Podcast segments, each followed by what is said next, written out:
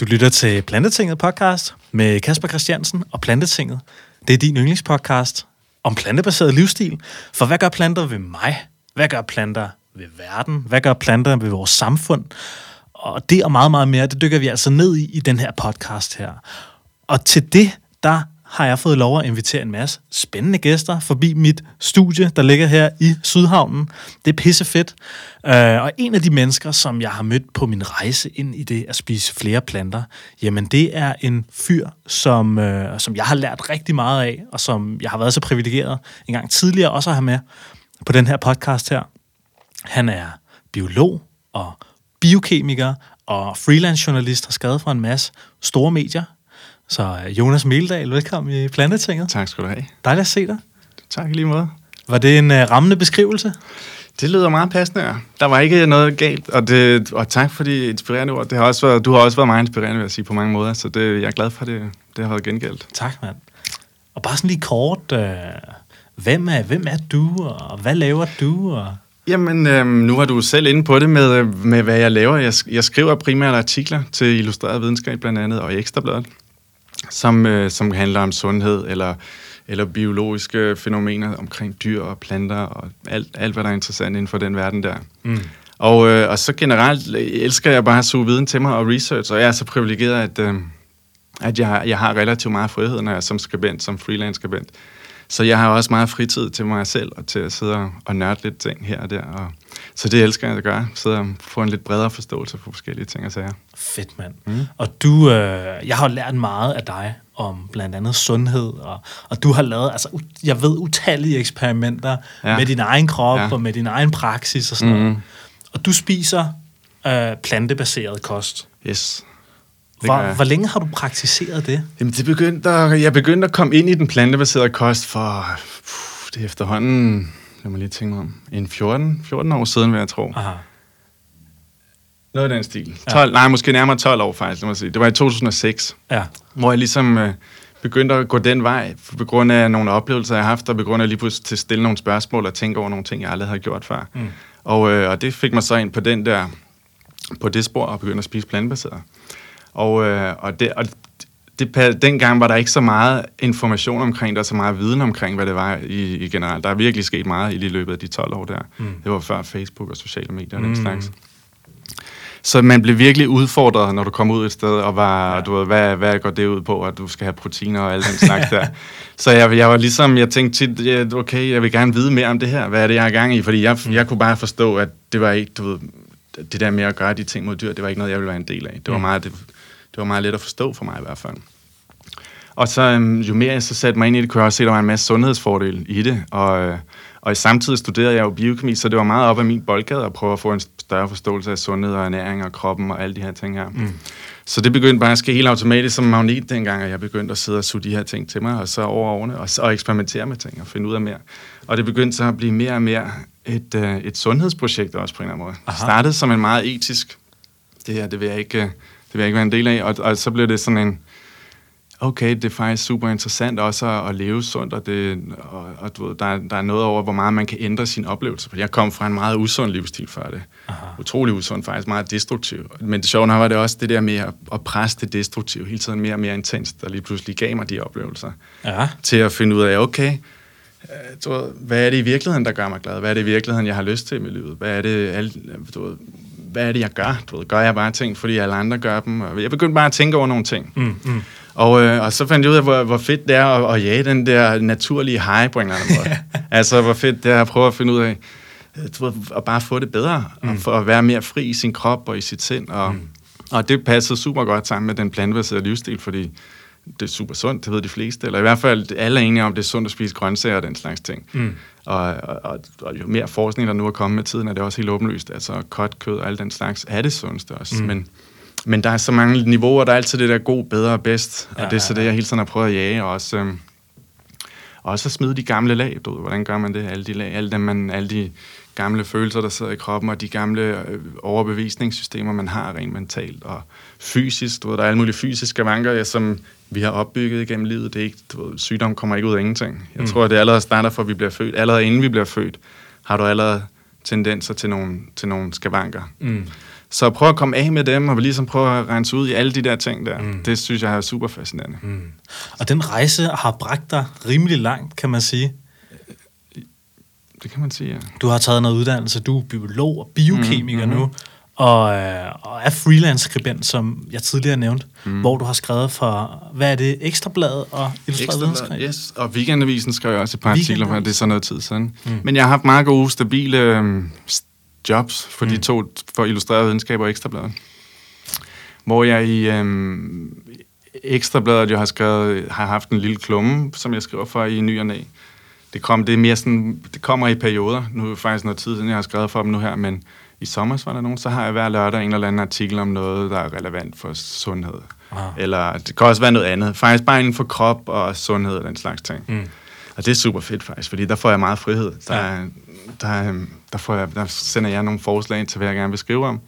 Og så skriver jeg dem, og det, det er tit, som jeg skriver det, det kommer, det kommer ud. Okay, så der bliver ikke redigeret så meget i det? Ikke så meget, nej. Så det, det er super fedt faktisk. Også fordi det er noget, jeg virkelig selv brænder for. Altså, hvis jeg skriver om tarmbakterier, eller jeg skriver om, hvordan du, du, du forebygger det ene og det andet. Det, så det, det, det, det virkelig... Det går hurtigt, tror, ah. når man har noget. Det andet, illustreret videnskab, det er mere noget, fordi der har jeg mere de redskaber til at kunne skrive de artikler, mm. på grund af min uddannelse og den mm. baggrund. Det var faktisk også et job, jeg fik igennem min tidligere supervisor, for mit, uh, dengang jeg skrev speciale.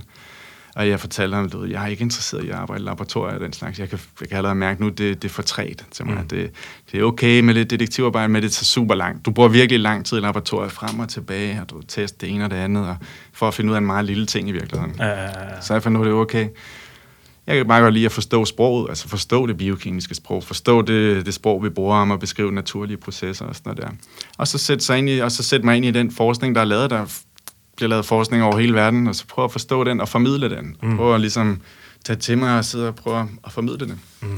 Og det fortalte jeg så ham her om, og så havde han heldigvis nogle connections inde på den øh, redaktion, og de manglede nogen. De søgte sig nogen, der har rent faktisk mere videnskabelig baggrund i stedet for journalister.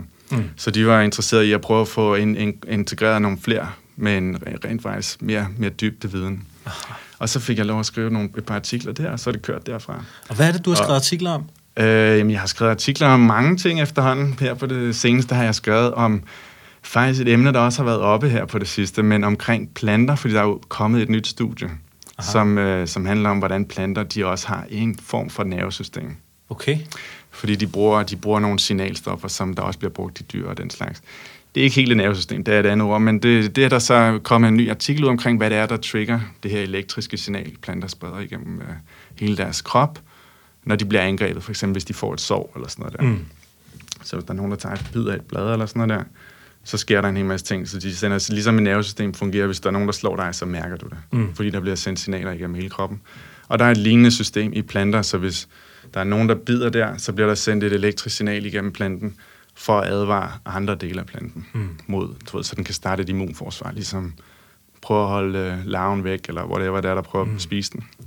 Ja, fordi en plante kan vel ikke forsvare sig mekanisk, altså den kan jo kun forsvare sig kemisk, vel? Ja, ja, præcis. Det, det, men det er så også det, den gør. Så trigger den, når den så sender det her elektriske signal ud, så ryger det ud til alle de andre plader og sådan noget der, og så begynder de så at tænde for nogle gener, der producerer du ved, bitre stoffer eller antinæringsstoffer, forskellige giftstoffer, som enten dræber larven, eller i hvert fald holder den væk. Mm. Så det, men, men det har man så vidst i lang tid, det her. Men det, det er et super spændende emne, så den tog, den tog udgangspunkt i den nye artikel her, og så gik jeg så mere i dybden med alt det her omkring, hvad er planter, du har de et nervesystem, er de intelligente, alle sådan nogle ting der. Er planter så intelligente? Jamen er de intelligente? Jeg vil jo sige ja. Altså langt hen ad vejen er de jo levende ligesom os. De er bare en helt, helt anderledes livsform end os. Og det, jeg tror tit, det er der, vi går galt i byen som mennesker. Vi, hvis vi skal definere intelligens, så er det altid ud fra, hvad der minder mest om os selv, på mm, en eller anden mm, måde. Ikke? Det er klart.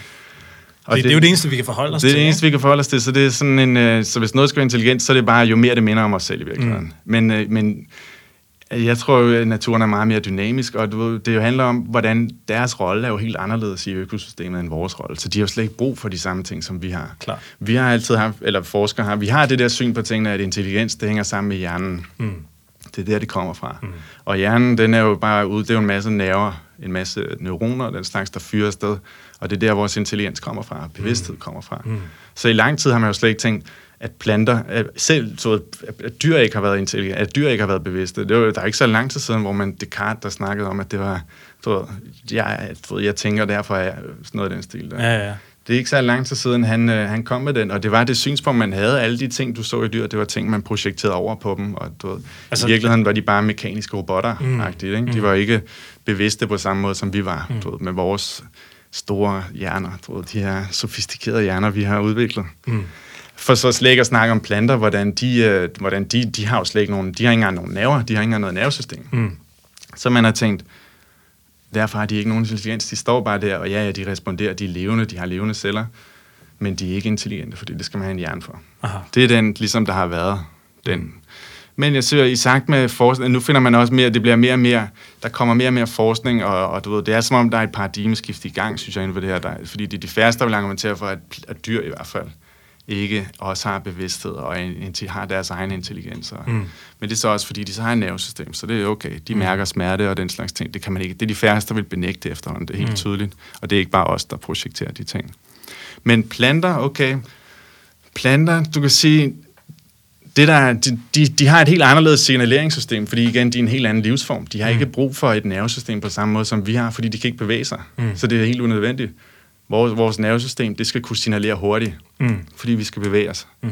Så det er sådan, du, du, det skal gå stærkt. Du skal hele tiden reagere på nye omgivelser og nye input. Og. Mm. Det, det sker også for planter, men de skal ikke respondere på samme måde. Så nervesystemet er ikke for, at vi kan sidde og reflektere, og vi kan sidde og tænke, og vi kan være bevidste. Det, det er hovedsageligt noget, der kommer af bevægelse. Så du hurtigt kan bevæge dig og den slags ting. Mm. Så det her planter har slet ikke brug for de hurtige reaktionsevner. Så det vil være spild af energi at bruge, hvor du ved, hjernen er et af de mest ressourcekrævende organer, vi har, og nervesystemet, det kræver meget for hele tiden at fyre den der elektricitet af. Mm. Så planter, der, der vil ikke være nogen grund til, at de skulle have den form for nervesystem. Men det betyder ikke, at de ikke er intelligente. Aha. Eller at de ikke har en eller anden form for... De, de, de kan det, de kan. Mm. Og de kan nogle rimelig vilde ting efterhånden, har man fundet ud af. Øhm, Men har planter så følelser, Jonas? det kommer an på, hvad for en slags følelser, vi snakker om. For eksempel, lad os sige smerte, for eksempel. Ikke? Mm. De mærker ting. De er meget, jeg tror, de er meget bevidste om, hvad der foregår i deres omgivelser. Faktisk tror jeg, de er meget bevidste om ting, som vi slet ikke forstår overhovedet. Men det kunne være, at vi kunne lære en hel del af dem. Det, men, men man skal hele tiden kigge på, hvad har de brug for at mærke? Hvad har de brug for? Du ved. De har ikke brug for at mærke smerte. Mm. Lad, mig, lad os lige få fejret den af vejen, fordi der er nogen, der tænker netop, at det er noget, vi kan oversætte til at sige, Nå, men når du bider en plante, den har også et nerve, den har også, den reagerer, kan du se, den laver nogle signaler. Så det er også, øh, du, du, du slår også den ihjel, eller den mærker smerte. Mm. Mm. Det tror jeg ikke på, vil jeg så sige. For Ah. det vil ikke give nogen mening om at smerte. Den eneste grund til, at du skal kunne mærke smerte, det er for at kunne sige enten, enten så, øhm, så løber du væk fra noget, fra noget, der er en fare, eller også så holder du noget i ro. Mm. Du ved, det, det hele har noget med bevægelse at gøre. Den eneste grund til, at du kan mærke smerte, har noget med bevægelse. Enten så skynder du dig væk fra noget, der, der påfører dig smerte, eller også så holder du noget i ro, fordi for at hele det. Okay. Og planter har slet ikke, de har ikke behov for det, de bevæger sig ikke, så hvorfor skulle de kunne mærke smerte? For dem ville det bare være, det ville være sadomasochistisk at mærke smerte, hvis, hvis, der er nogen, hvis der er lige nogen, der bider i dem, eller slår grenen af, eller sådan noget der, kunne mærke smerte. Ja. Det vil ikke give nogen mening. Nej. Men det giver mening, at de kan respondere på det selvfølgelig. Mm. Fordi alt liv, alt liv selvfølgelig har den der, du ved, indenfrakommende, at de vil overleve. Alt liv, også planter selvfølgelig. Så det er klart, de... Ja, ja det, altså, det vil jeg ikke sige. Hvis du læser uh, Richard Dawkins' The Selfish Gene, ikke? Mm. altså der er jo mange dyr, der også gerne vil opoffre deres mm. eget liv, for Jo, jo. ligesom at bringe deres gener videre. Helt sikkert. Jamen, der er alle de der små nuancer i naturen. Der er ikke nogen faste regler i den forstand. Men så lad os sige, så er det bare på et større perspektiv, at det handler om, at arten skal overleve. Mm. Men der er sådan en eller anden indfrakommende... at Hvis, hvis noget eksisterer, så vil det gerne overleve. Mm. Selvfølgelig, hvis, det, hvis det, der, er, der er flere nuancer, som du siger. Hvis det, hvis det handler om, at arten skal overleve, eller give sine gener videre, så, offre, så er der nogen, der offrer deres liv. Mm. Det, det, det er der flere eksempler på, det er klart. Men der er stadigvæk som om inden for forskellige lag, både inden for celler, eller whatever. Men okay, du har ret i et større perspektiv. Der er også nogen, der selvfølgelig offrer sig på et vist tidspunkt, fordi de ved et større billede. Ja, det handler det om, om generne også. Mm. Men der er stadig, min pointe var mere bare, at øh, for, for eksempel for en, en, lad os bare sige et træ, du ved, det er jo ikke fordi, den offrer noget for sine sin fremtidige generationer, hvis der kommer en og spiser dens blade eller sådan noget der. for, for den handler det mere om, at du ved, det er selvfølgelig en, øh, at det, den vil gerne beholde sine blade, fordi det giver den mere energi, det giver den mere sådan, så hvis der er en, der kommer og æder dens blade, så er det klart, at den vil prøve ligesom at forsvare det, fordi Mm. det, det giver mening, det gør alt liv. Det er sådan en, en law of nature nærmest. Hvis du er Mm. levende, så vil du gerne holde dig selv i live så meget som muligt, ikke? og prøve at forbedre dine vilkår. Så det er klart, at den laver en reaktion, hvis der er nogen, der kommer og spiser den, og så siger den, okay, lad os prøve at lave en eller anden reaktion. Et immunforsvar, kan du kalde det. Det gælder både, hvis det er viruser, der angriber den, eller, eller bakterier, eller dyr, eller sådan, whatever. Alt, hvad der angriber den, sætter en, en respons i gang i den. Mm. Men er, er det, gør det så det forkert at spise planter? Altså, jeg vil ikke, jeg vil ikke mene det, nej. Jeg, jeg ser det ikke. Så jeg synes også, det er vigtigt at holde den der common sense i det hele. Øh, og jeg synes, det er sjovt, hvis der er nogen, der ligesom prøver at gøre det relativt og sidder og sige, du ved, når planter, de, de responderer på det her, så de mærker det et eller andet sted, så derfor er det også... Øh, at spise dem, det er det samme. Du det er også at prøve at relativisere det hele og sidde mm. og sige, det hele er det samme, så derfor kan vi lige så godt bare slå, du ved, vi skal bare spise, du ved. Naturen er en, naturen er en, øh, du ved, en, en, en tough verden, du ved, og det er den også nogle langt hen ad vejen. Men, men lad os prøve at holde en common sense også, ikke? Mm. Du, hvis du går hen og hiver en gulerod op af jorden, for eksempel, oplever du det samme, som hvis du går hen og slår på en gris, eller mm. stikker en kniv ind i en gris. Din egen sanselige oplevelse af den situation er jo fuldstændig anderledes. Klar. Der er noget helt andet. Og det synes jeg også er vigtigt at forholde sig til. Mm. Fordi så længe vi ikke forstår det andet, det bliver meget i, i koncepter og symboler og noget, vi prøver at forklare ud fra vores viden omkring tingene. Klar. Vi forstår det ikke 100% jo. Nej. Så jeg vil sige, hvis nogen ville sidde og sige, at du vil slå os planter ihjel, så det hele er lige meget, så sige, hvis du er så sensitiv, at du er bange for planter, så ved jeg vel, så, er det, så, så burde du starte med dyrene i hvert fald, fordi mm. det er helt tydeligt, at de lider mere, end planten gør. Aha. Jeg vil sige, det er okay, hvis du, hvis du virkelig gerne vil gøre noget for os at spare planters liv og sådan noget der, så vil jeg sige, så er vi henne i frugter. Ja. er det ikke rigtigt? Ja. Så er vi, okay, hvis du ikke vil hive gulerødder op af jorden, fordi der er en plante, der lever der, eller du ikke vil spise en broccoli eller sådan noget der, så spis øh, træernes gaver. Du slår mm. ikke en plante ihjel, hvis du går ind og tager dens frugter. Det er nærmest som om, den giver dig det. Du, ja, det er klart. Den siger nærmest her, der kommer til dem. Ja. Så der slår du ikke rigtig noget ihjel eller påfører noget som helst smerte. Det er mere, du får en gave. Mm. Så hvis du virkelig vil leve på den niveau, at du vil påføre så lidt som muligt, øh, ikke smerte, men du så lidt som muligt øh, du overgreb på andre liv, livsformer, så tag imod de gaver, der kommer. Mm. Jeg har læst en, øh, en ret interessant bog, der hedder Intelligence in Nature, som blev skrevet af en amerikansk antropolog, der hedder Jeremy Narby. Han har tidligere skrevet nogle bøger omkring, øh, hvor han har været ude og bo med nogle stammer i Amazonas jungle og regnskov, øh, det peruvianske Amazonas, hvor han har boet sammen med nogle indianerstammer. Mm. Hvor han ligesom blev, øh, blev initieret i nogle af de ritualer, de havde inde i regnskoven, og ud fra det, så begyndte han ligesom at stille spørgsmålstegn ved hele vores forståelse af naturen, og naturens intentioner, og naturens intelligens. Mm. Og grunden til, at jeg siger intelligens i gåseøjne, er fordi, det er jo så det spørgsmål, eller den ting, som han ligesom prøver at undersøge i en af sine bøger, der hedder Intelligence in Nature. Og det han gør, han er jo antropolog, så det, det han gør, det er, at han rejser rundt til alle mulige forskellige universiteter rundt omkring i verden. Jeg tror, bogen den blev skrevet i 2008 eller 9 eller sådan noget. Og så prøvede han ligesom at finde ud af, jamen, hvor er forskningen henne omkring dyrs planters og enkeltcellede organismers intelligens. Mm. Og han fandt faktisk ud af, at uh, for eksempel, uh, der var et forskerhold, der havde kigget på sådan nogle enkeltcellede uh, slim-ting, som mm. slime molds, tror jeg, ja, de kalder ja, det. Slimsvampe, ja. Slimsvampe der, ja. som, som rent faktisk har kapacitet eller intelligens til mm. at finde vej igennem en labyrint. Mm. Og det er jo bare sådan, altså det er jo, altså, det er jo den, det er fandme den laveste organisme, vi ja, har, ikke? Og jo. den kan alligevel finde hurtigere vej igennem en labyrint, end, ja, ja. End, meget, end, ja. en plante måske, ikke? Ja, ja. Ja, men de er også super fascinerende, de svin. Ja, men, men det han så også siger, så rejser han så også til Japan, mm. og, øh, og undersøger, hvordan de ligesom prøver at forstå øh, naturens intelligens. Mm. Men de havde nogle helt andre præmisser for, hvordan de lavede de undersøgelser. Fordi deres ord for intelligens er anderledes. Mm. De har en helt anden sprogpsykologisk ja, ja. forståelse ja. af intelligens, hvor de har, øh, nu kan jeg ikke huske, hvad ordet præcis var, men, men det, det kunne oversættes ja. til kapacitet til viden. Ja. Så hvor stor en kapacitet til viden har du? Ja, ja, ja. Eller hvor stor en kapacitet ja. til viden har de her organismer, eller planter, eller dyr, eller whatever, ikke? Og, øh, og der mente de japanske forskere i hvert fald, ifølge Jeremy Narbis bog her, at at der er enormt mange organismer, super simple organismer, der har en enorm kapacitet mm. til at akkumulere viden omkring deres omgivelser, omkring deres fremtid og omkring deres, uh, mm. deres muligheder mm. i det mm. miljø, de nu var i. Ja. Og det synes jeg er, er, er ret interessant. Også hvordan at vores sprog og det, at vi kalder noget intelligens, er mm. noget intelligent, at det ligesom også er med til at forme, hvordan vi anskuer en, uh, en ting, ikke, som vi også tidligere var inde på. Mm. Det her med, at du siger, at... Uh, Altså, det er jo bare en projektion af vores egen kapacitet, at vi mm. propper ned over hovedet på, på de her dyr, de her mm. planter og de her ja. organismer, ikke? Jo. sindssygt inspirerende bog, og ja, meget spændende. Jamen, det er super spændende faktisk, og det er en rigtig god point, det der med også, hvor meget det handler om de ord, vi bruger om tingene, fordi mm. det er virkelig meget koncepter. Det, der, det er også der, hvor for jeg synes, det er vigtigt, at man hele tiden også forholder sig til en form for common sense. Ikke at man prøver at benægte, du ved, ikke kun, du ved, for tit så common sense is not so common at all, du. Så du ved, det kan tit gå galt i byen, hvis, ting, hvis folk tænker, at det her synes jeg, og det er common sense, det synes jeg. Men, men stadigvæk, der er den der over det, at fordi netop på grund af, at man kan let blive, du ved, the map is not the territory, er der også den der saying omkring det, fordi vi bliver tit tabt i koncepter omkring ting. Hvis mm. vi tænker, nå, et nervesystem eller noget, så, så, så er det ligesom den her ting her, mm. eller så er det den her ting, og så bliver det tit den ting, vi, vi ligesom, et, det symbol, vi snakker om, frem for ja. den ting, vi rent faktisk snakker om. Mm.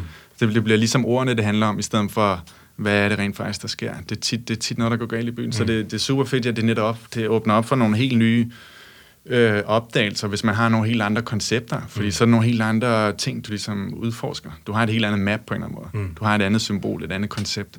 Så det er super fascinerende faktisk. Det, det er rigtig spændende, ja.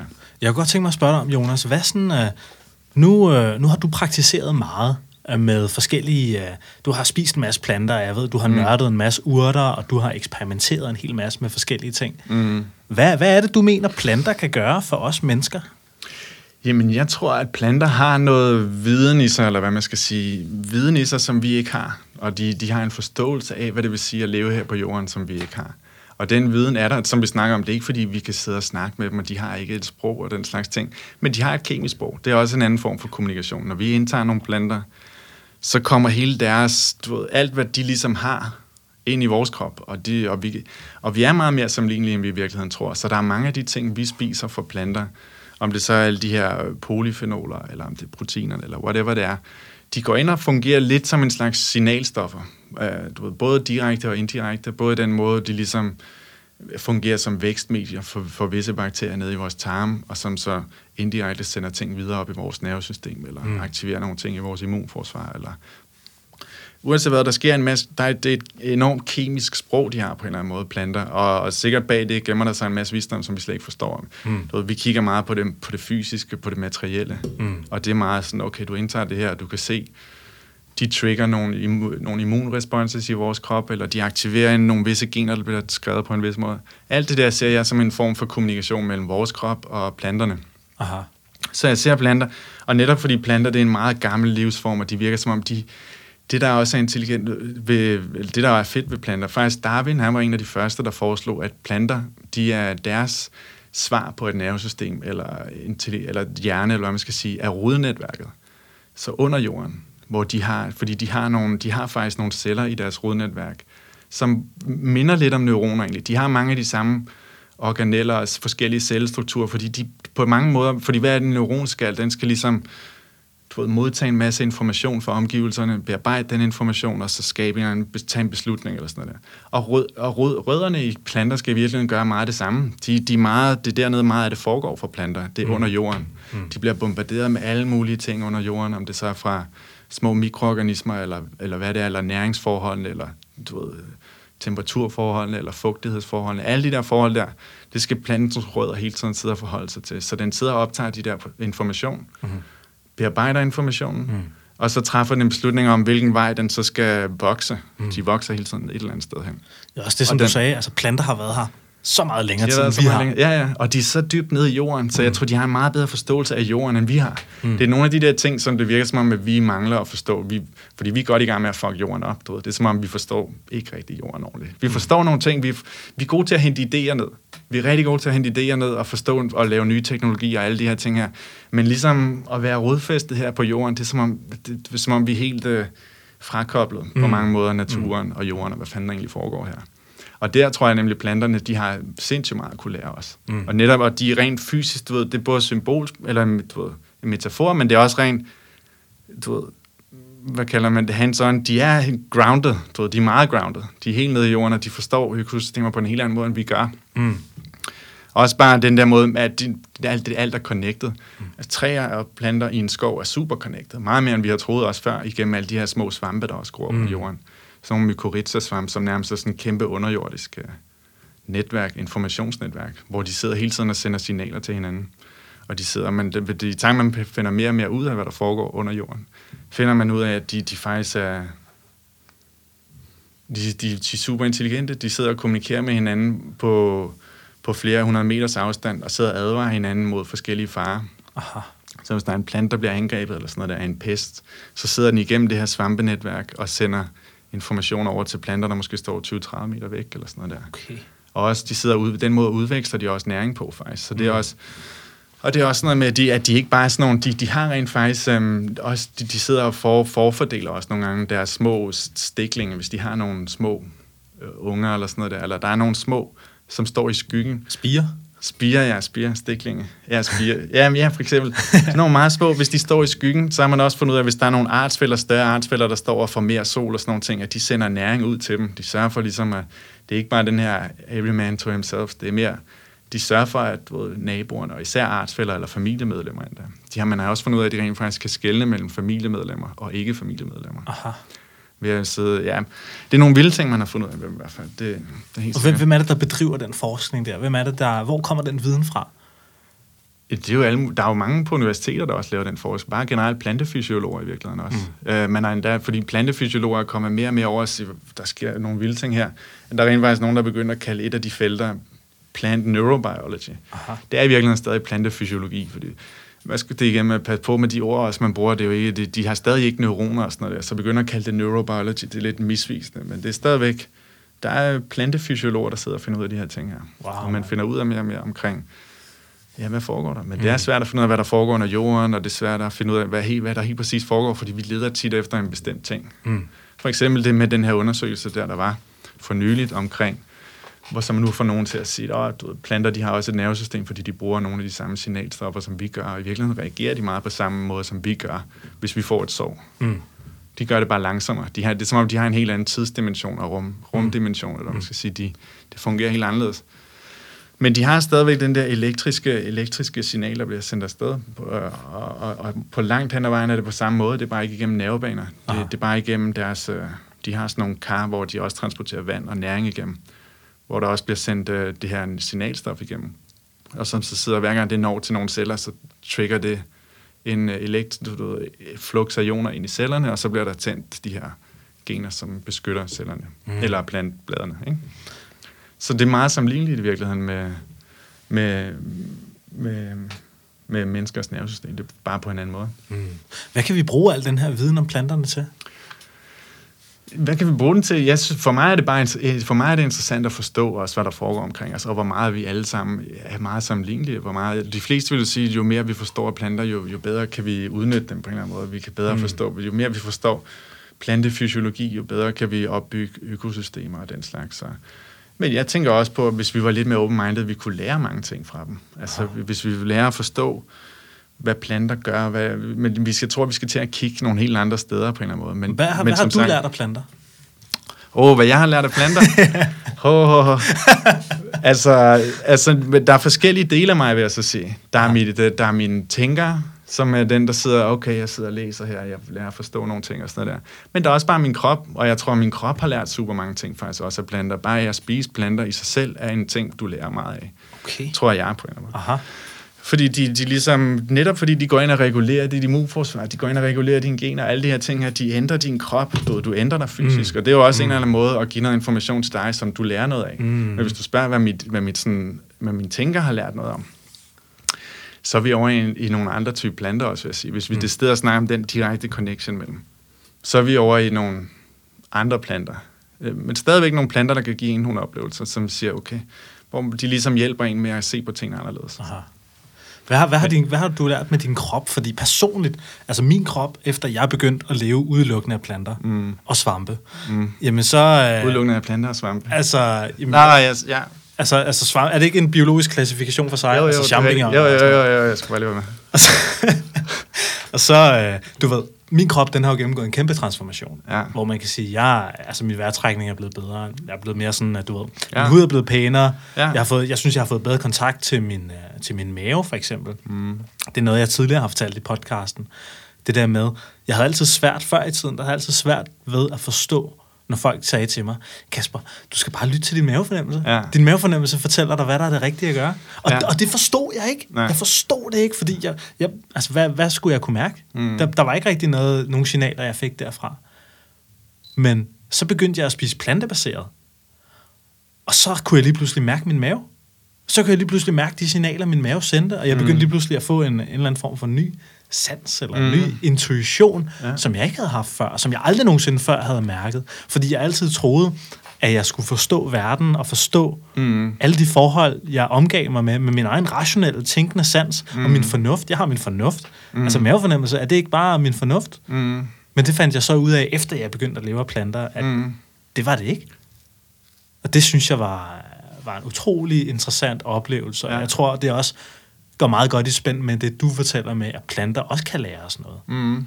Altså, det, det var den oplevelse, jeg havde på den ja. måde. Ja, men helt sikkert. Har ja. du haft sådan lignende oplevelser med det? Øhm, puh, lad mig tænke mig om. Altså, ja, generelt, jeg ser det jo generelt som, at det er en ongoing proces, og det er ikke noget, jeg nødvendigvis er bevidst om, men hvis jeg kigger tilbage på, hvor jeg var rent både mentalt og fysisk, før jeg begyndte at spise mange planter og den slags ting, så kan jeg også se, at der er sket rigtig mange ting. Og også bare idéer, altså inspirerende tanker, det, hvis du også ser det som en del af det. Jeg tror, jeg ser det bare som et, en rigtig god partner, makkerpar, du ved, gode, gode, øh, du ved, allied og have gode allierede. Plantehomies. Plantehomies, ja. Okay, hit me up, hit me up. Så. Og de sørger, for, du, de sørger for, at jeg ligesom kan, kan være her og føle mig godt tilpas her ja. på jorden. Du. Det er ligesom, de, de, de, har, de, de hjælper mig med det. Mm. Både på en kropslig plan, men så også på den måde ligesom, fordi det, det hele hænger jo sammen, body, mind, spirit, i den forstand, at hvis du, hvis du ligesom åbner op for din krop, og den føler sig bedre tilpas, og der er ikke lige så meget stagnering, der, den er ikke lige så og det er tit det, der skaber mange problemer, også mentalt. Det er også, hvis kroppen er meget stagneret, hvis mm. der ikke er et ordentligt flow i din krop på en ah. måde. Både i din tarme, for den sags skyld, hvis du er meget constipated.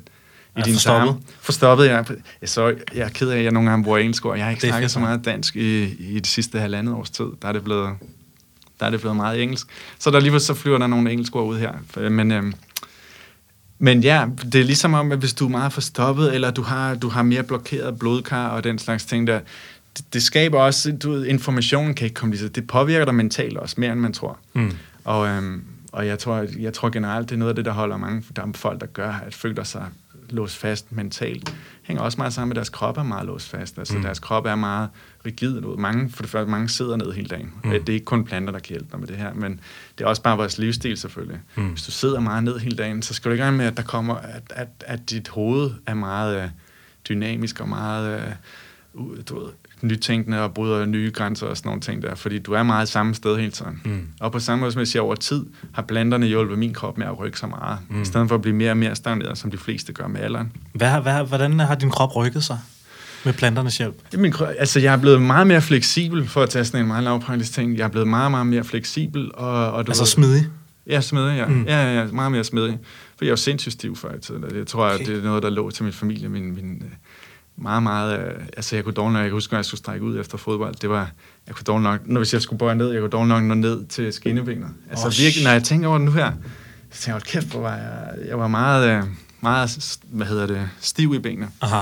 Hvor nu har jeg blevet meget, det er også selvfølgelig også med, med andre ting, men, men det er noget, jeg har kunne mærke klart, øh, for eksempel når jeg også har praktiseret yoga. Hvis mm. jeg har spist på en vis måde i en periode, føler jeg mig mere smidig. Føler mig med generelt kroppen er mere åbnet op på en eller anden mm. måde, hvis, hvis du spiser ting, som er mere meget vandholdige. Generelt meget frugter og, og raw foods i den forstand der. Mm. Frugter vil jeg sige især. De, de gør bare, de, de skaber, og det giver også mening i forhold til, at der er mindre betændelse i din krop, der, der åbner mere op for, for dit lymfesystem, der åbner mere op for dit, uh, dit blodsystem. Hvorimod, hvis du spiser meget mere tung mad, fyldt med mange mange proteiner, eller meget fedt, eller meget, øh, mange age-produkter, meget kogt mad og stegte olie, alle den der slags ting, det, det skaber sådan en reaktion i din krop, som bare gør, at den ligesom går i freeze mode, ligesom sådan en, øh, jeg ved ikke, man kan bruge forskellige ord omkring det, men den gør bare, at du føler dig mere stiv. Så smidig er helt klart noget, jeg har følt mig mere af. Mm. Der var også perioder, men der var også perioder, hvor jeg var generelt meget mere frisk, altså jeg havde brug for meget mindre søvn og den slags ting. Mm. Øhm, så på en eller anden måde, jeg, jeg kommer mere i kontakt med min egen krop, og føler mig mere fri i min egen krop. Mm. Øh, jeg vil så også sige, du det er ikke fordi, det bare har været smooth sailing hele vejen igennem, fordi du ved, når man eksperimenterer, så sker der også uheld, og jeg blev fik et ordentligt setback faktisk tilbage for en del år siden nu efterhånden, og det er stadig noget, der faktisk sidder lidt af i, hvor jeg begyndte at eksperimentere meget med fermenteringer, Aha. og for, for nødder fermenteret og den slags ting. hvor det, hvor det endte med at gå galt. Oh, så, så det har det skabt mange maveproblemer, huske, hvor det var både forstoppelse og nogle gange det, bare et utroligt komplekst problem faktisk mm. i min mavetarmsystem, men som også var noget, der gjorde, at, at jeg satte mig mere mere ind i det og forstår mm. det bedre og bedre. Og, mm har lige til en, en stor forståelse af, hvor komplekst et organ det er, og hvor, og hvor meget det egentlig er råden til rigtig mange af de problemer, folk har generelt rundt omkring i hele kroppen. Jeg tror, der er så mange mennesker derude, der har problemer med fordøjelsen, mm. og problemer med maven, helt sikkert. og du ved, oppustethed, ja, ja, ja, helt sikkert. og alle sådan nogle ting mm. der. Hvad, øh, altså, hvad kan man gøre mod sådan nogle udfordringer? Det er meget komplekst problem, vil jeg sige faktisk, for det er også, hvor starter problemet. Nogle har det sted problemer nede i deres øh, tyktarm, hvor der bare hvor der, hvor, hvor, det, hvor, det, hvor der også er stagnering, hvor tingene sidder fast. Der er også nogen, der har problemer med at skabe for meget luft. Der er nogen, der har problemer med betændelse. Mm. Men jeg vil faktisk tro, at mange, men mange af tingene kan godt løses på samme måde. Jeg vil sige faktisk, jeg tror, et af de store problemer er blandt andet, at folk spiser lidt hele tiden. Mm.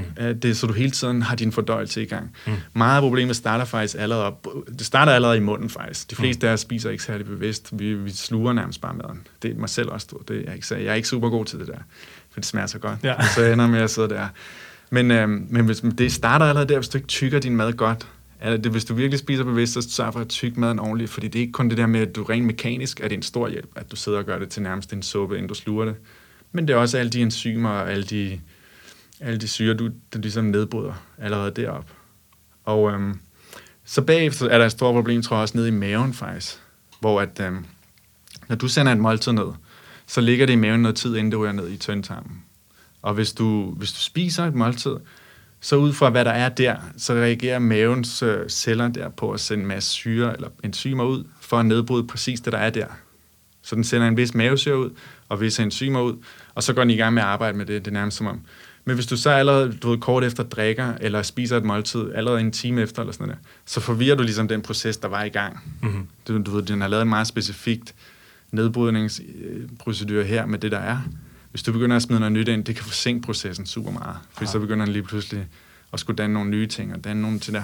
Så ting, det bliver meget forsinket faktisk af, at du, at du gør det der. Og det er generelt noget, der skaber problemer i maven. Også det, jeg tror, det er meget det, der skaber dyspe, dyspepsi også. Og sådan Hvad betyder det?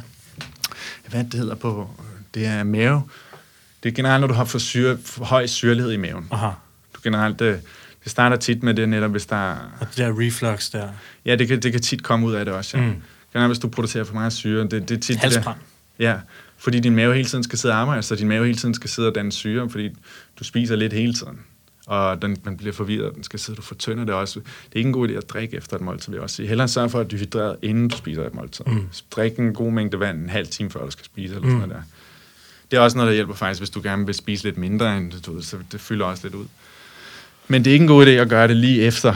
Så øhm, men der, der, der bliver også skabt en del for problemer i fordøjelsen allerede, fordi det, hvis du begynder, det sænker fordøjelsen. Det hele handler også om ikke at have tingene siddet i fordøjelsessystemet i for lang tid. Hvis du allerede begynder at spise en halv time, en time efter du har spist det måltid, så forsinker du processen. Aha. Meget mere, end man tror. Mm. Jeg, husker, der var nogle, jeg kan ikke huske præcis, hvordan det var, men der, jeg så nogle studier omkring det også, hvor de lavede sådan nogle test, hvor det, det var virkelig overraskende. Jeg tror, det var op til sådan 20 timers forsinkelse, der kunne være, bare hvis du spiser måske en lille smule chokolade efter et måltid, for eksempel. Nå, altså, du, det var virkelig meget forsinkelse, det kunne gøre.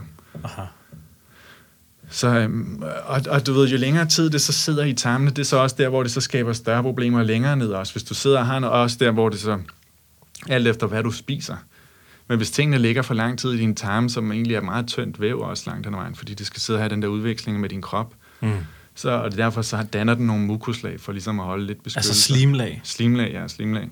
For at have lidt beskyttelse også en gang imellem. Og, og jo længere tid der ligger mad dernede, jo mere beskyttelse skal den have, fordi så begynder der også at komme en overvækst af forskellige bakterier. Mm. Ikke, ikke nødvendigvis gode bakterier, men det kommer meget ind på, hvad du spiser også. Aha. Men jo mere noget går i forrådelse ned i din tarm, jo flere dårlige bakterier kommer der. Aha. De er også med til at skabe den forrådelse. Mm. Og de er også med til at skabe nogle, nogle stoffer, som kroppen reagerer inflammatorisk omkring. Øh, ligesom forsvar. Mm. Fordi den sidder der, og den kan mærke, at der bliver sendt nogle små signaler ind i kroppen, som immunforsvaret reagerer meget kraftigt på. Og det er så med til at skabe betændelse ned i din tarm, og det, det er ligesom, lige så snart der er betændelse dernede, det kan så munde ud i mange forskellige divertikulitis, eller eller generelt mave, eller generelt at have ondt dernede. Det kan også være irritable bowel syndrome, for meget luft, eller det kan komme alle de der forskellige symptomer, kan komme mm. ud af, hvis du faktisk begynder at have meget betændelse dernede. Mm. Tarmkræft også, for den sags skyld. Mm. Men det er ligesom det, der også, der starter det også meget. Mm. Så hvis man sidder derude og har nogle af de her udfordringer her, Mm. Altså, hvordan skal man så konstruere en måltidspraksis, og hvad skal man spise, og hvordan skal man gøre? Ja, ja, jamen det er rigtigt. Jeg vil sige, den er tricky. Jeg vil sige, hvis, du, hvis der er noget, du, lige så snart du finder ud af, at der er noget, der, øhm, der, der skaber mere gas, eller hvad man skal sige, så hvis det er ildelugtende gas i din... Øhm, så, så cut det ud, eller i hvert fald skær ned. Også øh, spis mindre, og ikke spis lige så ofte nødvendigvis. Men så selvfølgelig, du skal stadig sørge for at få nok kalorier, men, men det er meget... Øhm, Øhm, fordi generelt vil jeg sige, for, for mange, de fleste mennesker, er det et problem, de ikke får nok fiber i forhold til, hvor meget fedt og protein de spiser. Så mm. jeg vil sige, spis noget fiberholdigt og få nogle gode bakterier, dyrke, nogle, dyrke en god kultur af bakterier ned i din tarm. Mm. Men der er også eksempler på mennesker, der rent faktisk nogle har en overvækst af nogle bakterier, og hvor hvis de spiser mange fiber, især visse typer fiber, i visse så danner det mere luft. Og det kan være uhensigtsmæssigt i nogle situationer. Det kan være uhensigtsmæssigt. Hvis er man ikke altid er for første gang er hjemme hos svigermor eller noget. Ja, ja. Det er noget pis. Ikke bare, ikke bare, sociale, ikke bare sociale ting, men også, også, jeg tænker også rent fysisk. Nå, okay. hvis du, hvis du, ikke bare, ikke bare, okay, det er en ting. Men du ved, også, det skaber også et tryk ned i din tarm, som ja. også gør, at der skal lettere gennemgang. Der er på det, vi snakker Du vil ikke have alt muligt lort, bogstaveligt talt, ind i din krop igennem mm. tarmvæggen. Og hvis du har meget luft dernede, og det ikke kommer ordentligt ud, og alt det der ting der, så skaber du et større tryk, og du åbner op mere for din... Uh, så, så du, jo, så hvis der er nogle ting, der ligesom skaber meget luft i din mave, så prøv at holde lidt igen i hvert fald. Men mindre det er bare noget, du ikke har spist noget tid, og din krop lige skal tilpasse sig. Sådan mm. der. Men øhm, det vil jeg i hvert fald sige generelt, spis, spis øh, to måltider om dagen, to-tre måltider om dagen, og så lad med alle de der mellemmåltider nødvendigvis. Det er mit råd i hvert fald. Jeg ved, for nogen kan de slet ikke forestille sig, uden lige at have lidt der, her og der. Men det vil jeg i hvert fald foreslå, fordi det, det, det hjælper din fordøjelse meget. Mm. Og så spis mere bevidst, tyk din mad. Og, og, og, og drik først før måltidet, og ikke lige efter måltidet, så mm. du ikke fortønder, og, og du gør den proces langsommere, det der foregår i din mave, ved at fortynde de syre og de enzymer, du producerer, så du fortynder hele fordøj- øh, udskyder hele fordøjelsesprocessen. Så det er der ikke nogen grund til. Aha. Så du, jo hurtigere tingene kan komme igennem dig, jo bedre det vil hjælpe. Så det er også et forslag. Ja, og så, ja, som sagt, ja. Og så vil jeg også gerne lige komme med et ekstra tip der. Tag ja. ud løbe en tur. Rigtigt. Altså, og det er en rigtig god idé. Er du sindssygt, det sætter gang i, uh, ja. i tingene eller noget, ja, ja, ja, og også faktisk efter et måltid gå en tur. Der kan løbe godt være lidt voldsomt. Ja, det, jeg kan ikke løbe med, nej, nej, efter jeg Nej, nej, præcis. Men du kan gå en tur. Ja. Det er faktisk også noget, der hjælper. Hvis du okay. tager ud og går en tur lige efter et måltid, det er også rigtig godt for fordøjelsen. Og faktisk også ikke lægge dig ned lige efter du har spist. Det er også noget, vi har en tendens til at gøre. Åh, nu har jeg spist, og så ligger jeg mig ned i sofaen og ligger ja, ja. Men hellere så for at sidde ned, også fordi du arbejder med tyngdekraften. Så for, fordi det handler meget, mange af de problemer kommer fra, at tingene sidder fast. Det hele går for langsomt. Mm. Så det handler, det skal ikke gå for hurtigt. Vi snakker ikke om, at det skal være. Men du hjælper det hele meget på vej, hvis du rent faktisk sidder og lader tyngdekraften arbejde med dig. I stedet Aha. for, fordi hvis du ligger den her vej, så begynder det også faktisk at ligge tryk på andre organer i din krop. Og du har, du har lige fyldt din mave op med med, med du ved, rimelig, en rimelig stor vægt i din krop. Og du, hvis du ligger derned, så begynder det at ligge tryk på andre organer. Så, mm. det kan være, så det er også bedre bare at sætte dig op, eller gå, ret, gå en tur. Du ved, sørg for i hvert fald at have maven ret. Ja, okay. Ja. Ja, ja, okay. Det er også et godt træning. Fedt, mand. Ja. Gode, uh, gode sundheds- og fordøjelsestips lige der. Ja. Uh, Jonas, sidst vi snakkede sammen, der nørdede vi rigtig meget om tarmbakterier, og hvilke uh, ja, hvilke konsekvenser forskellige øh, vækst af forskellige bakterier har, og hvordan man kan gro forskelligt. Nu sagde du det der med fibre og sådan noget. Mm. Øh, men er der andre sådan, er der andet vigtig viden, der er værd at vide om tarmbakterier, som du tænker kunne være interessant for vores lyttere at høre lidt om? Altså nu, jeg vil, ja, der er mange ting. Men mm. af hensyn til sådan rent praktisk vil jeg sige, det er godt at undgå kød, hvis du gerne vil have nogle gode bakterier i din krop. Aha, okay. Og, og jeg vil sige, for mig er det meget kommet det er også det forskning viser, altså, men det er også meget, hvis man kigger på det på, hvad det rent faktisk er, der sker, når du spiser kød. Mm. Øh, det, det, det døde dyr, der går i forrådnelse, mm. basically. Og det er det, du putter ind i din krop. Og hvis, du, hvis det ligger lang tid, igen som vi snakker om, de fleste mennesker har lidt for meget stagnering i deres krop, inklusive deres tarmsystem. Så de har lidt for meget forstoppelse. Tingene går ikke hurtigt nok ud af systemet. Og kød er bare med til at forsinke den proces også, fordi det er så svært for kroppen at nedbryde. Det er mm. meget meget svære fibre også, og sådan noget, så det sidder lang tid. Øhm, og al den tid, det sidder der, så er det bare et vækstmedie for bakterier, som at deres, deres modus operandi, deres, det de ligesom gør, deres uh, specialty, det er at sidde og nedbryde kød, sidde og æde kød og nedbryde det. Og, og i bund og grund er vi også bare kød. Så du, de, de skældner ikke mellem, der er ikke, hvis du har overvækst af dem nede i din tarm, så kan du være sikker på, at din krop reagerer ved at prøve at holde dem ude, fordi den, de signaler, din krop får fra den type bakterier, er, okay, jeg er i fare her, det er et angreb. Så den danner en masse inflammation og en masse, en masse ting for at beskytte sig selv. Mm. Så derfor, hvis du sidder og har hele tiden et medie nede i din tarm af, af, af dyr, der er i forrådelse, så har du også en hel masse bakterier, der sidder og prøver, som din krop ikke bryder sig om. Mm. Og det, det kan være med til at ske. Det er også der, hvor der er meget klar sammenhæng mellem, øh, du øger risikoen utrolig meget for tarmkræft og forskellige irritable bowel syndromes, hvis, øh, ved at spise kød. Der er en meget klar forbindelse mellem det. Mm. Mm. Så det er også en god idé i hvert fald at prøve at, at skære ned på kødet, hvis du gerne vil have nogle sunde tarme. Aha. Ja, det vil jeg sige. Jeg er en stor fortaler for at spise øh, det der med probiotika. Det, det kan hjælpe for nogen, tror jeg, men jeg er en stor fortaler for at spise mange fiber. Spise meget varieret plantebaseret kost. Og, og ja, det, det kan gøre meget. Aha. Hvis du lige finder ud af, hvad... Ja. Hvad med sådan noget, jamen, som du siger, probiotika, mælkesyrebakterier, kombucha ja, og kimchi ja. og, mm. og surkål, eller hvad fanden det ellers hedder? Ja, ja, ja. De, de kan hjælpe for nogen, vil jeg sige. Okay. De kan hjælpe for nogen, men jeg vil sige, generelt handler det om på længere sigt. Hvis du, hvis du virkelig sidder i en shitty situation, shitty situation, så, så kan det være rigtig godt lige at få nogle ekstra ned til at sidde og beskytte din tarm. For dem der ned, okay, de arbejder for dig. Mm. Men på længere sigt handler det bare om at få skabt et medie dernede. Aha. Få skabt et godt medie, spis, få en livsstil, hvor du spiser nogle ting, så de bare ligesom reproducerer sig selv, de bakterier. Så har du en god kultur, så behøver du ikke sidde og fyre dem af. Mm. Fordi det, der er også usikkerhed omkring, hvor meget det rent faktisk hjælper bare. Fordi hvis du bare kaster probiotika derned, uden at ændre dit medie, de kan ikke rigtig overleve. Det er som at sende nogen ind, der ikke rigtig, de får ikke det arbejde med, de skal arbejde med. Aha. Så jeg ved, det, ja. Hvad med at gå den anden vej? Hvad med en, en, en lille fræk uh, tarmskyldning eller et eller andet? I no, igen, i nogle situationer vil det kunne hjælpe for folk, ligesom være sådan en kickstarter. Du, hvis, du mm. virkelig, hvis det virkelig står sløjt til dernede, og du virkelig skal have, nu skal der lige ske nogle ændringer, så vil jeg sige, okay, lav en god gang tarmskyldning, og så måske spise noget probiotika, og så for måske tage en faste også, eller et eller andet. Så for lige at få få ligesom slettet, du ved, ikke slettet fuldstændig, men lige få renset godt ud, inden du så går i gang med at bygge et nyt øh, kultur op. Det er svært. Jeg vil sige, det er ikke let. Okay. Fordi mange af de her bakterier, nogle du har arvet allerede helt fra, helt fra du, bliver født, eller allerede mm. fra du kommer ud fra din mor. Så nogle af de der, de der kolonier, de sidder godt fast. Det er deres univers. Der. Mm. Det er ikke noget, de flytter sig ikke bare lige sådan der. Ligesom vi ikke bare flytter os her fra jorden. Du, okay. vi er, du, de har deres liv dernede, så det, det kan godt være svært at få dem ud, hvis de har sat sig ordentligt fast, hvis de har et ordentligt rodfæste dernede. Er det noget, du har prøvet? Sådan en tarmskylling? Nej, jeg har faktisk ikke prøvet tarmskylling. Jeg har prøvet enemas. Ja, og hvad er det? Enemas, det er også en mild form for tarmskylling. Det er, det hvor du... Det er lidt det samme, det kommer bare ikke lige så langt op. Okay når du har en tarmskyldning, så kommer du længere op. Det er som om, ja. der er lidt mere tryk på. Mm. NMS, der har du ligesom bare, der fyrer du bare ned igennem og så kommer det så langt ind, det kan. Jeg tror, det hedder et lavement på, på dansk. Lavement? Et lavement. Okay, ja. ja. det lærte jeg, det er noget nyt. Der lærte jeg noget nyt. Ja, ja, ja. Ja, men jeg kan huske, at jeg prøvede det på et tidspunkt, der eksperimenterede, og det var især også, fordi jeg havde store problemer med tarm, så jeg var desperat, jeg skulle søge alle de der ting der, og jeg mm. stødte på noget, som folk faktisk også bruger til, der, til en lever-detox, og jeg, jeg kan ikke rigtig finde ud af, om det rent faktisk er rigtigt eller ej, men øhm, der var mange, der brugte sådan en kaffe. Sådan en kaffelavement der. Kaffelavement, ja. ja.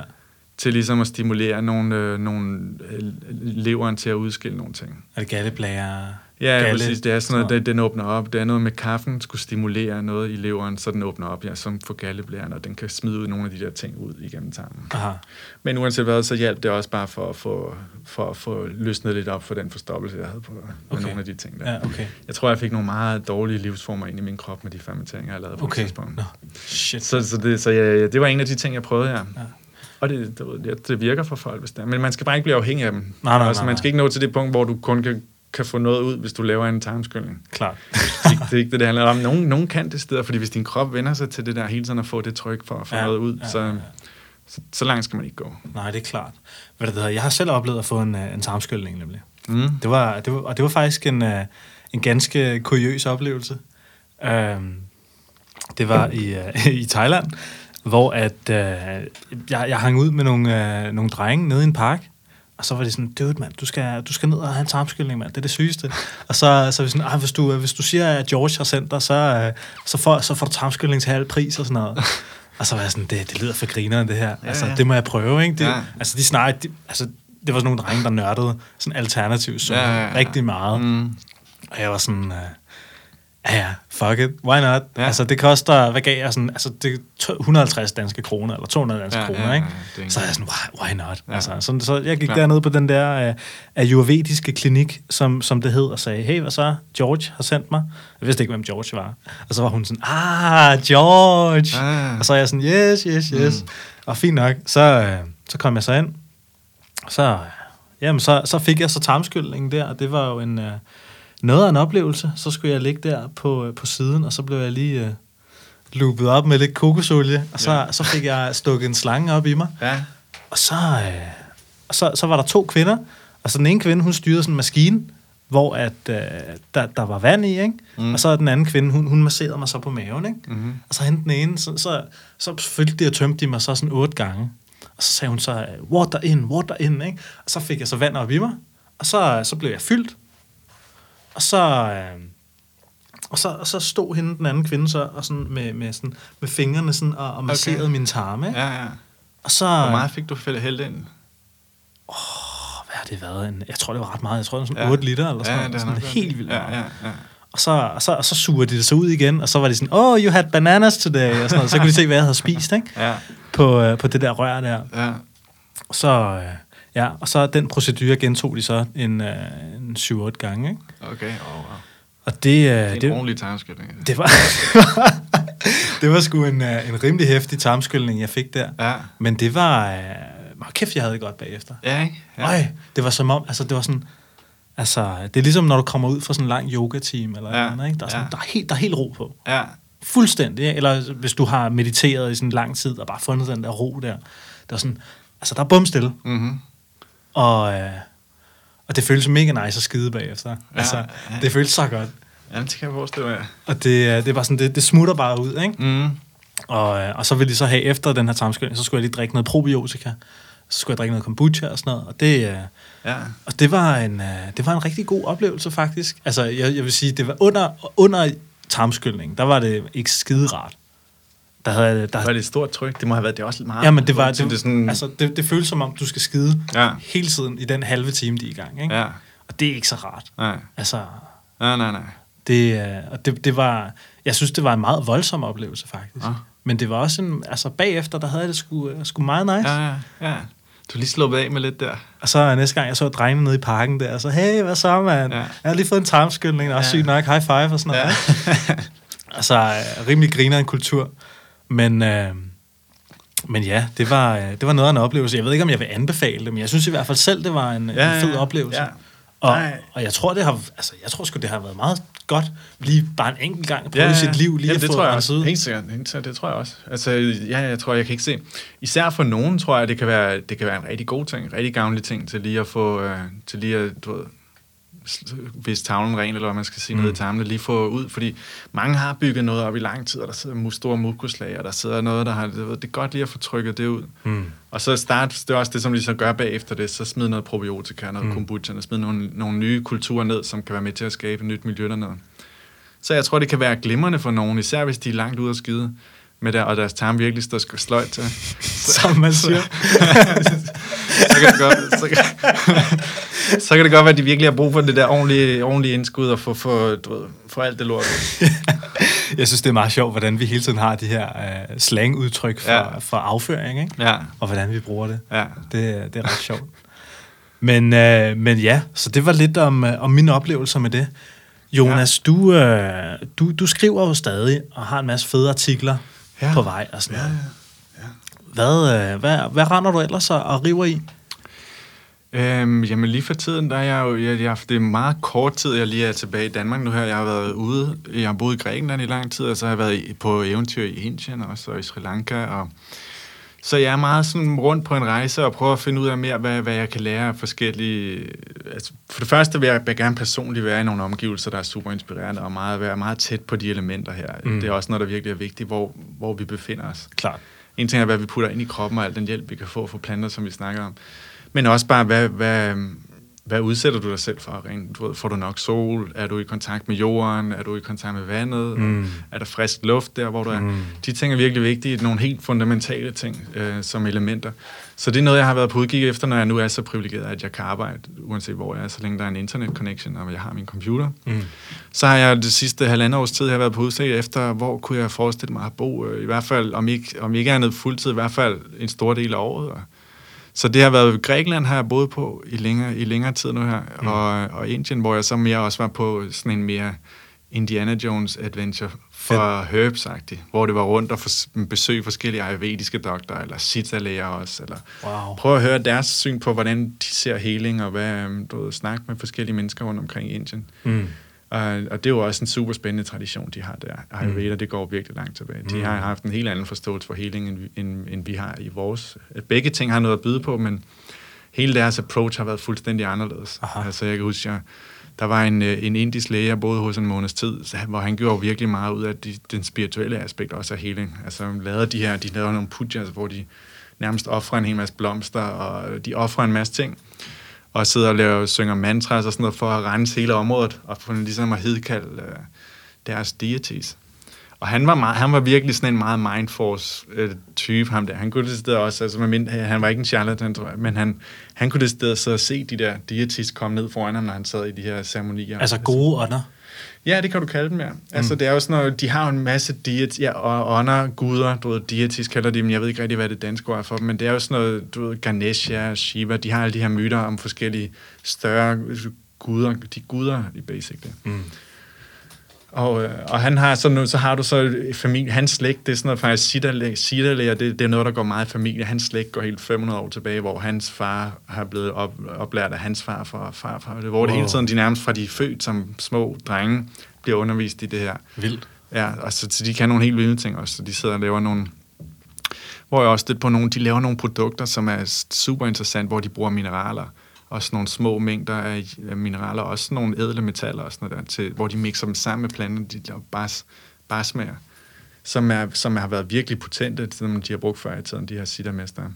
Og det er lidt samme boldgade som, som den form for for, for der er også et felt inden for, for kemisk udvikling nu her, og, og medicin, fordi det en ting er medicin, du, det, noget andet er for et af de helt store problemer med medicin er også planter for den sags urter. Det er, hvordan får du dem leveret til det rigtige sted. Hvis du har et eller andet problem et sted, lad os sige en svulst eller sådan noget der, mm.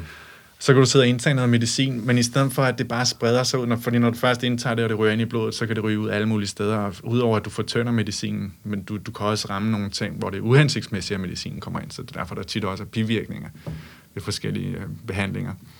Så man er begyndt at udvikle nogle, nogle, noget, der hedder colloids, hvor man sidder og udvikler sådan nogle større partikler af guld eller sølv eller sådan noget der, hvor du så connecter medicinen på i større mængder, så du kan opkoncentrere det, og så få det ud til de rigtige steder. Og, øhm, og det er også noget, de, det er lidt samme princip, de gør, når de sidder og arbejder med de her basmer, hvor de sidder og bruger, hvor de gennemarbejder det, og mixer det sammen med sådan nogle helt pulveriserede urter, så det bliver sådan en mix af guldpartikler og urter og jern. De bruger alle mulige ting. Selv, selv, øh, selv hvad hedder det, selv øh, kviksøl. Kviksøl mm, bruger de også. Shit, man. Ja. Men det, det, han sidder, han, han, men det, det, jeg kan jo ikke rigtig snakke med ham om det på den måde, fordi han har et helt andet sprog for det. Klar. Så jeg sidder og snakker om kviksøl, han sidder nærmest og snakker om det der med, når han gennem, det kommer igennem den her proces her, det kommer igennem den her proces, og så her til sidst, så kvæler jeg det og sådan nogle ting. Så han sidder og snakker om det, hvor det så bliver non-toxic. Det var mm. hans pointe i sidste mm. Så super fascinerende, og det er noget, der virkelig har været... De, der er en spændende tradition, hele den der siddar-tradition, som jeg fik lidt større indblik i. Mm. Så det, det er generelt det, jeg fortsætter med nu her, at prøve at, at lære mere om nogle gamle traditioner. Især urter, tror jeg, har meget at byde på. Planter. Og, øh, og det, ja, det prøver jeg. Så, så ja, det er lidt prøve at få sat min egen ting op og køre og lære mere og mere, som at prøve at få, det er mit liv og mit øh, arbejde. Mm. Så jeg prøver at, at sætte mig selv i de rigtige omgivelser og leve mit liv på, på, den, på den gode måde, og så forhåbentlig lære en masse nye ting, som kan hende ud i et eller andet spændende. Fedt, mand. Jeg synes i hvert fald, du har lært mig, og forhåbentlig også lytterne, en masse nye ting.